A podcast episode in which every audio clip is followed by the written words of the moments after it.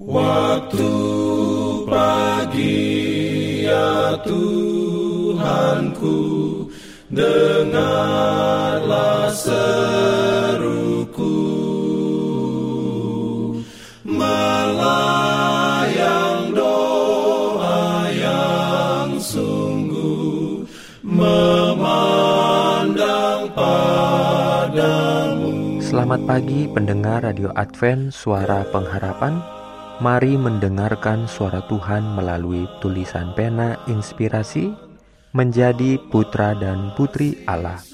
Renungan harian 9 Desember dengan judul dan upahnya ada padanya.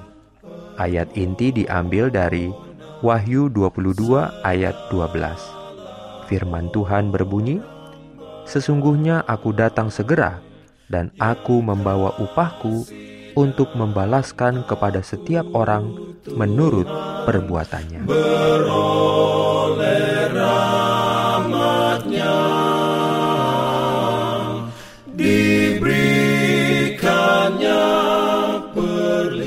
Urayanya sebagai berikut.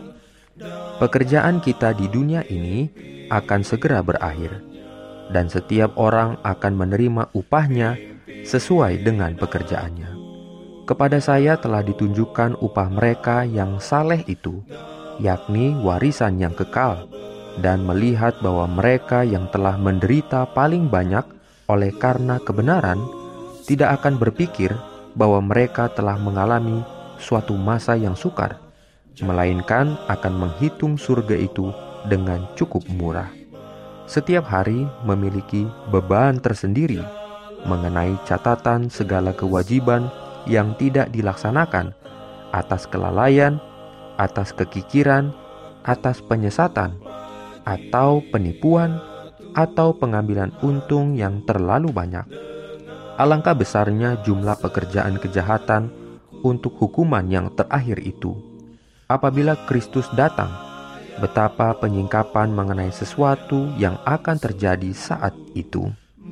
Setiap perbuatan yang baik dan perbuatan yang buruk dan pengaruhnya atas orang-orang lain diketahui jelas oleh penyelidik segala hati yang kepadanya segala rahasia dinyatakan dan upah itu akan sesuai dengan motif dorongan hati yang menggerakkan perbuatan itu. Kedatangan Kristus sudah dekat dan sangat cepat. Waktu untuk bekerja adalah singkat adanya. Pria dan wanita sedang binasa kita memerlukan kuasa Allah untuk mempertobatkan, untuk memegang kita, agar kita boleh mengerti segala keperluan dunia yang hendak binasa ini. Beban pekabaran saya kepada Anda adalah: bersedialah, bersedialah hendak bertemu dengan Tuhan.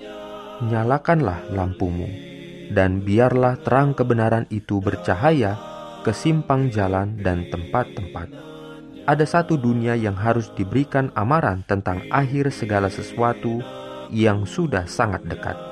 Kita memerlukan hadirat Roh Suci Allah bersama kita, agar hati kita boleh dilembutkan, dan agar kita jangan membawa roh yang kasar ke dalam pekerjaan itu.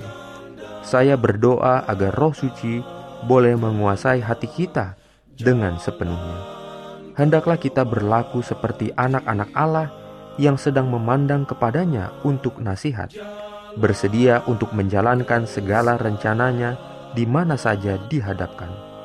Allah akan dipermuliakan oleh suatu umat yang sedemikian rupa, dan mereka yang menyaksikan semangat kita akan berkata, "Amin" dan "Amin." Pimpin aku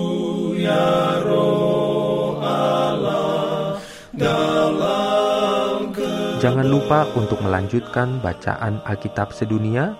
Percayalah kepada nabi-nabinya yang untuk hari ini melanjutkan dari buku 1 Petrus pasal 3. Selamat beraktivitas hari ini. Tuhan memberkati kita semua. Jalan keselamatan